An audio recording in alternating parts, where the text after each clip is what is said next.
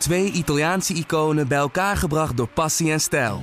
Peroni Nastro Azzurro 0.0 is de trotse nieuwe teampartner van Scuderia Ferrari. Doe mee met ons en de meest gepassioneerde fans op het circuit, de Tifosi. Samen volgen we het raceseizoen van 2024. Salute, Tifosi!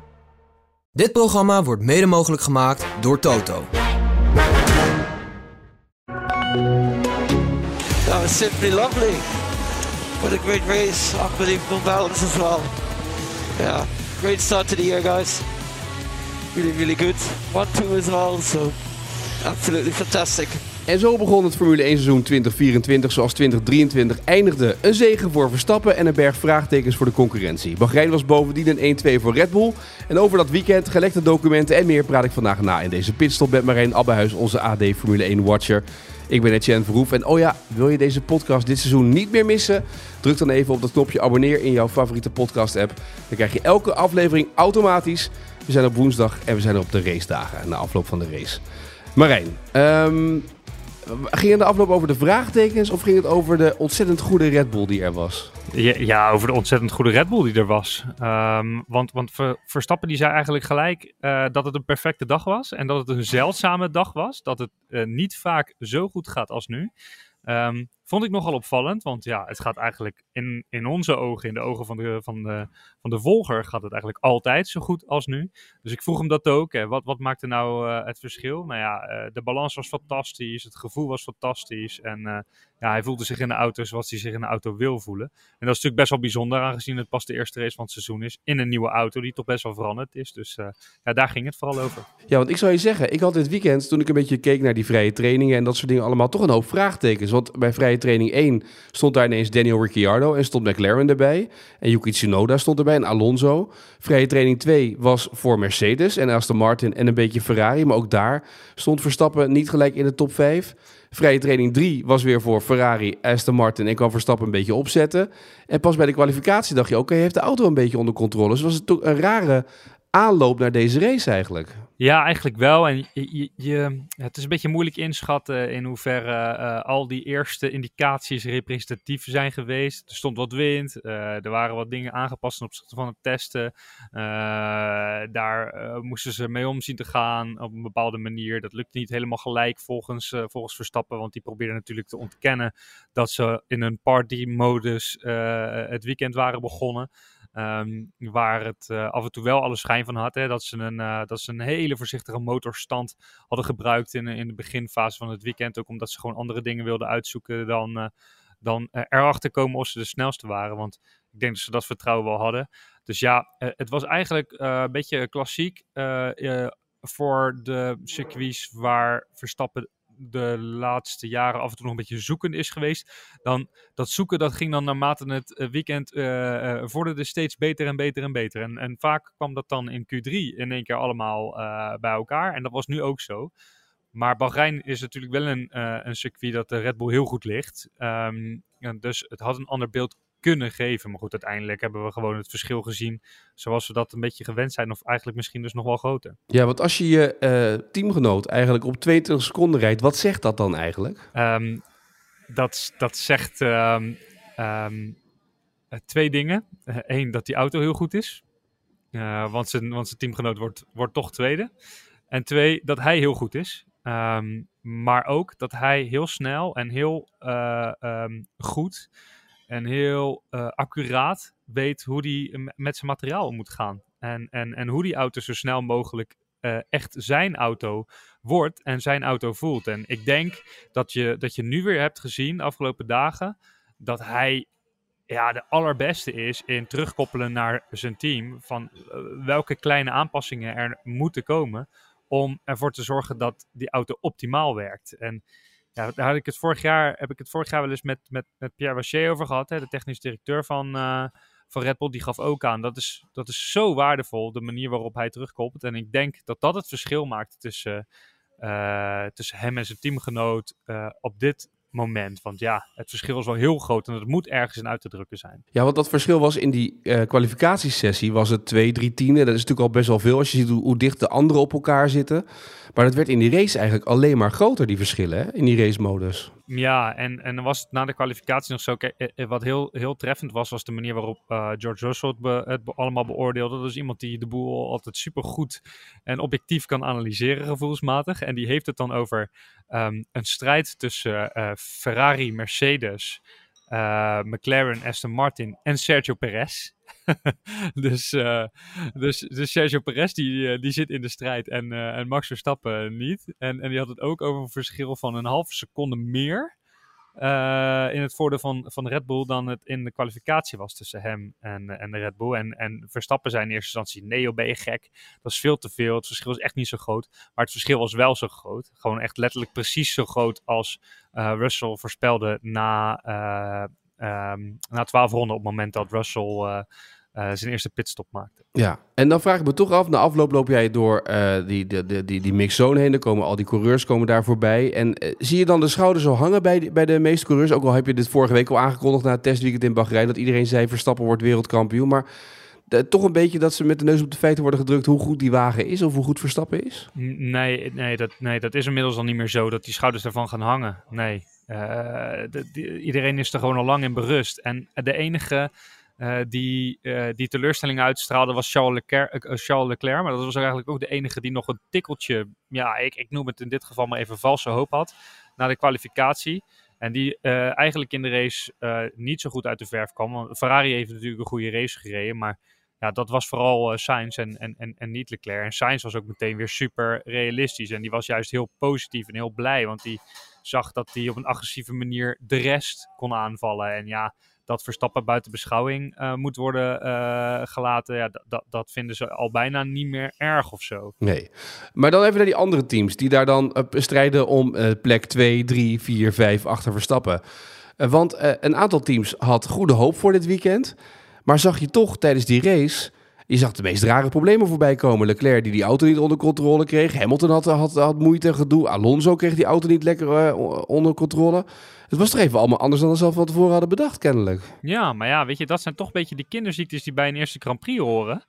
Het is volkomen logisch dat, uh, dat de meeste teams en de meeste coureurs daarmee te maken krijgen. Want ja, meestal gaat het niet in één keer helemaal vlekkeloos. En meestal is het niet meteen geweldig en perfect. Het is vooral heel bijzonder dat het bij Verstappen nu dus wel meteen zo is. En ja, um, en aan die andere kanten moet er nog gewoon een hoop worden gefine-tuned. En dat gaat echt nog wel een paar weken duren. Ja, maar, maar waar, waar zit dat dan in? Want bedoel, ze hebben natuurlijk die, dat testweekend gehad. En de lat ligt kennelijk nu wel een stukje hoger. Dat weten ze nu ook gelijk wel, toch? Voor de volgende Grand Prix. Ja, de lat ligt gigantisch hoog. De, la, de lat ligt gigantisch hoog. Dat is, dat, is een, dat is een ding wat zeker is. En ja, waar ligt het aan? Kijk, die, de meeste auto's hebben natuurlijk toch wel een beetje hun concept veranderd. Hè? Er zijn zoveel mogelijk naar de Red Bull opgeschoven. Dus die hebben een totaal andere auto. Ja, en, en, en, en dus en dus duurt het even voordat ze uh, coureur en, en auto op dezelfde uh, golflengte hebben zitten. Ja, en dan moet, dat moeten de teams er maar voor lief nemen. Dat is het eigenlijk. Dat denk ik wel, ja. Nog even door, hè. Hamilton, Russell.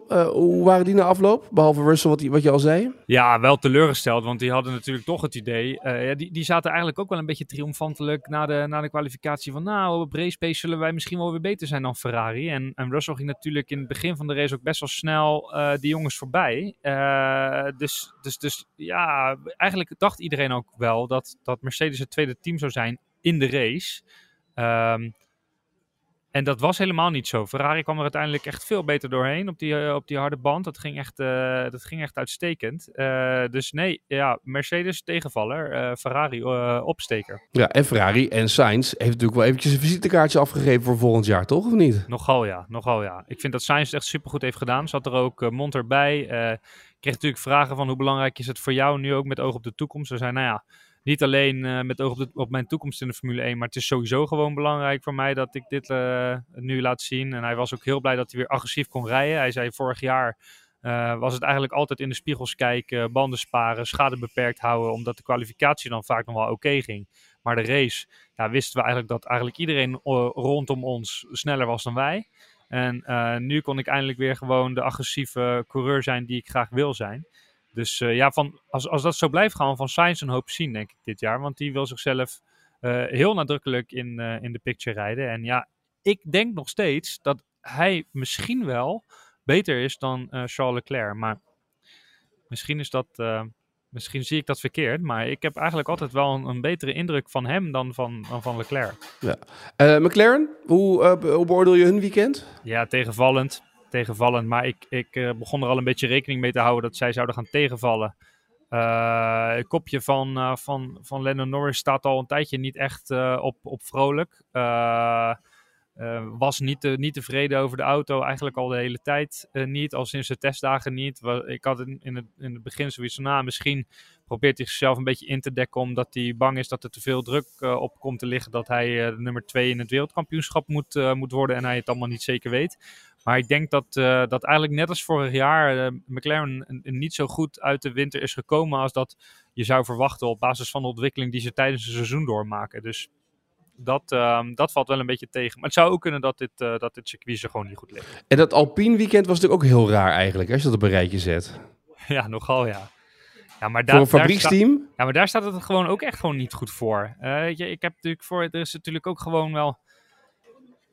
Ja, ze zijn niet zo tevreden over in ieder geval een van hun coureurs. Ik heb vorig jaar natuurlijk eh, die indicaties heel nadrukkelijk en best wel op een harde manier gekregen van, de, van, van het monteursteam daar. Die, eh die Ocon een beetje afdeden als 0,4 eh, coureur.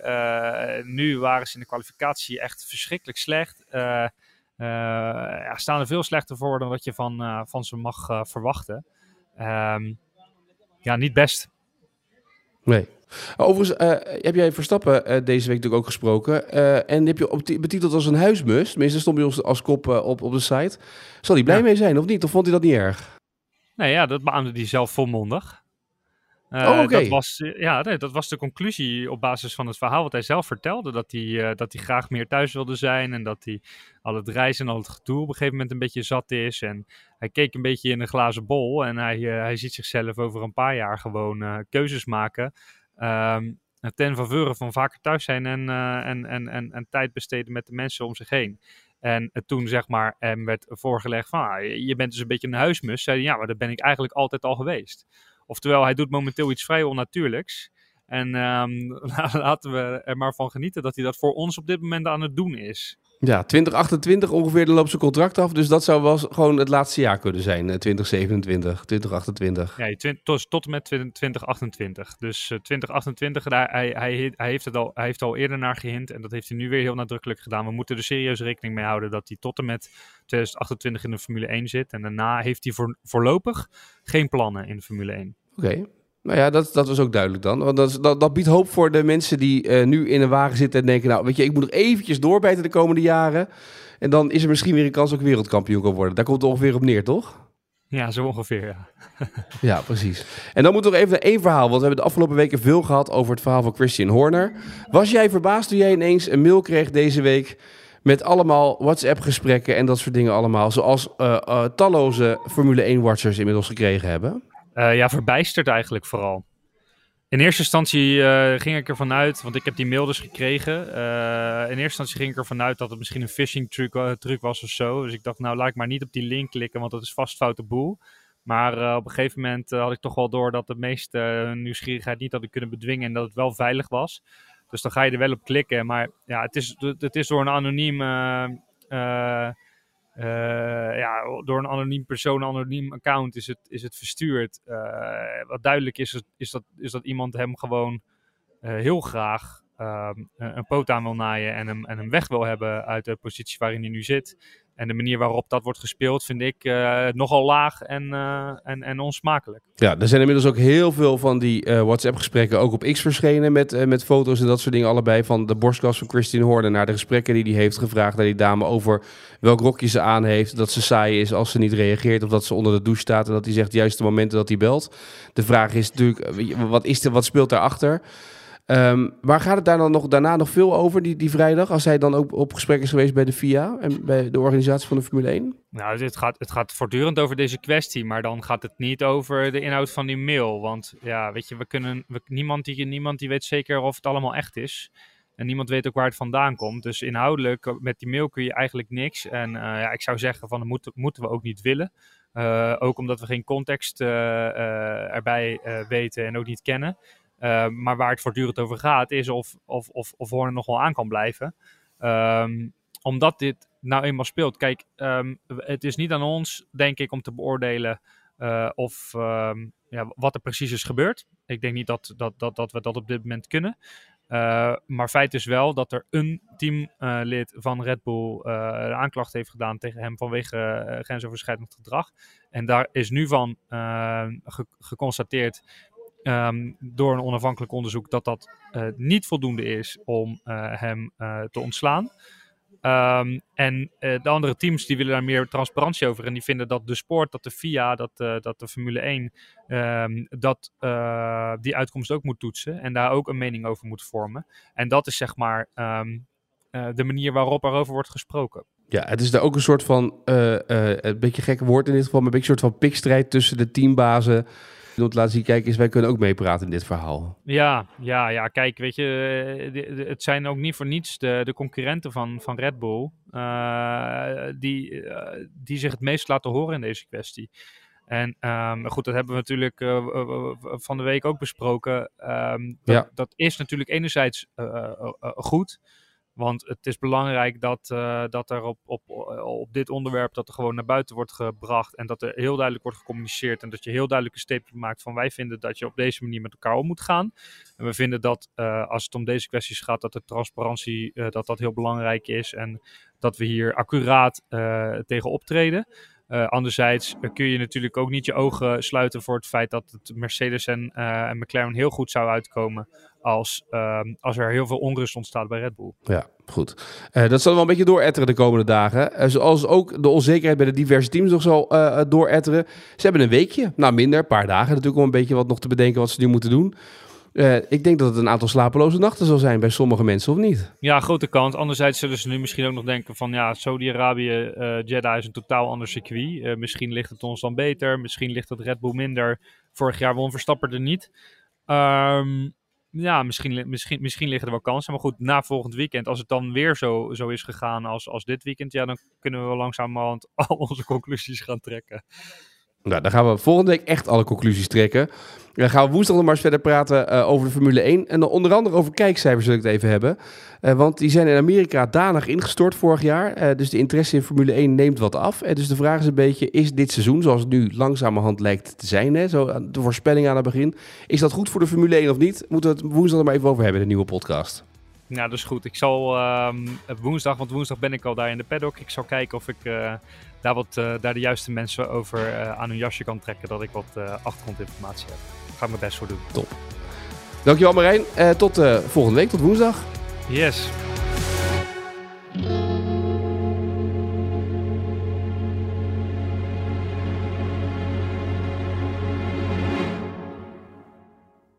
Dit programma werd mede mogelijk gemaakt door Toto. Twee Italiaanse iconen bij elkaar gebracht door passie en stijl.